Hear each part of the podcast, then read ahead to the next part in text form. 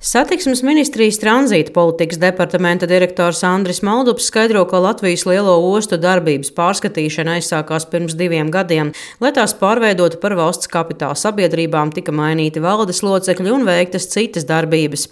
Radikālāks pagrieziena punkts bija 2019. gada nogale, kad tika ieviestas sankcijas arī pret Ventspils ostu. Parlaments gan strauji rīkojās un veica grozījumus likumā par ostām, kas paredzēja jau līdz pagājušā gada jūlijam izstrādāt jaunu ostu pārvaldības modeli. Latvijā tomēr šīs te ostas, teiksim, tāda transporta un loģistikas sistēma ļoti lielā mērā ir atkarīga no dažādām tranzīta kravu plūsmām. Līdz ar to svarīga tāda koordinējoša loma, un tā ir diezgan liela valsts iesaiste arī tajā pārvaldībā, tīri no tāda koordinātora viedokļa tāda asa konkurence starp Latvijas ostām. Viņi bieži vien nodara kaitējumu. Paredzēts, ka kapitāla sabiedrības veido gan valsts, gan pašvaldību, uzsverot, ka valstī ir paredzēta noteicošā loma. Likuma pārējais noteikumos uh, ir dots uzdevums ministru kabinetam deviņu mēnešu laikā bet izveidot šīs kapitāla sabiedrības, veikt pārunas ar pašvaldībām par pašvaldības līdzdalību, pašvaldībām iespēja līdzdarboties kapitāla sabiedrībās būs. Vienīgais gan, ka nu, šobrīd paredzēts, ka valsts pusē ir noteicošā loma respektīvi pašvaldībām, līdz uh, vienai trešdaļai no kapitāla daļu. Ventspils ostas holdinga SIAV kā tranzīts valdes priekšsēdētājs Renārs Pūts uzsver, ka uzņēmēju ostās ir trīs dažādās pilsētās un situācijas ir atšķirīgas.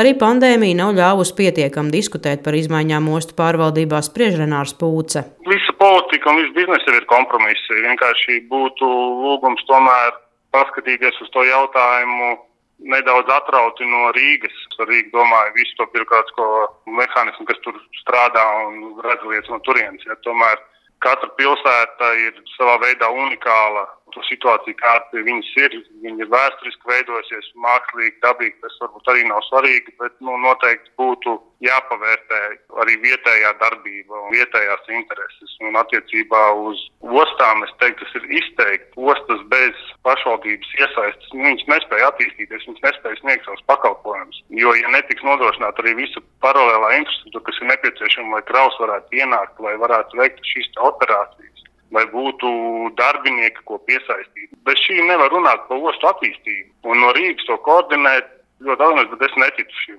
Renārs Pūcis uzsver, ka šobrīd pietrūkst arī ekonomiskais pamatojums šādām izmaiņām.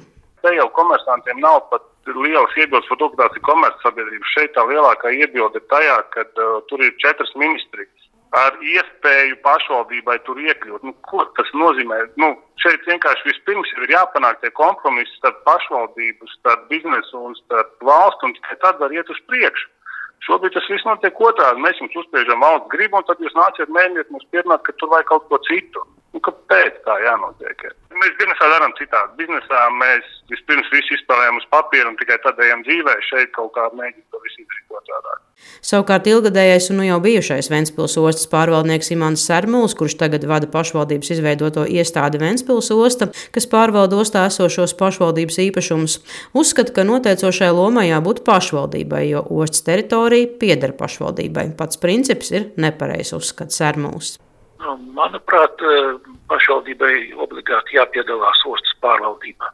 Absolūtais vairums visu Eiropas ostu ir pašvaldību ostas. Protams, Dažās ostās ir arī kāda daļa valsts īpašuma, bet no nu, visā visumā tie ir pašvaldību pārvaldīti uzņēmumi. Īpašnieki ir pašvaldības.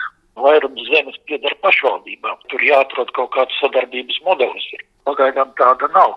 Ventspils pašvaldības pārstāvs uzskata, ka būs jārod kompromisi. Es saprotu, ka tagad uh, notiek diskusija, acīm redzot, uh, likuma projekts nonāks saimā, nu, un tālāk jau saima diskutēs, ko ar šo likumu darīt.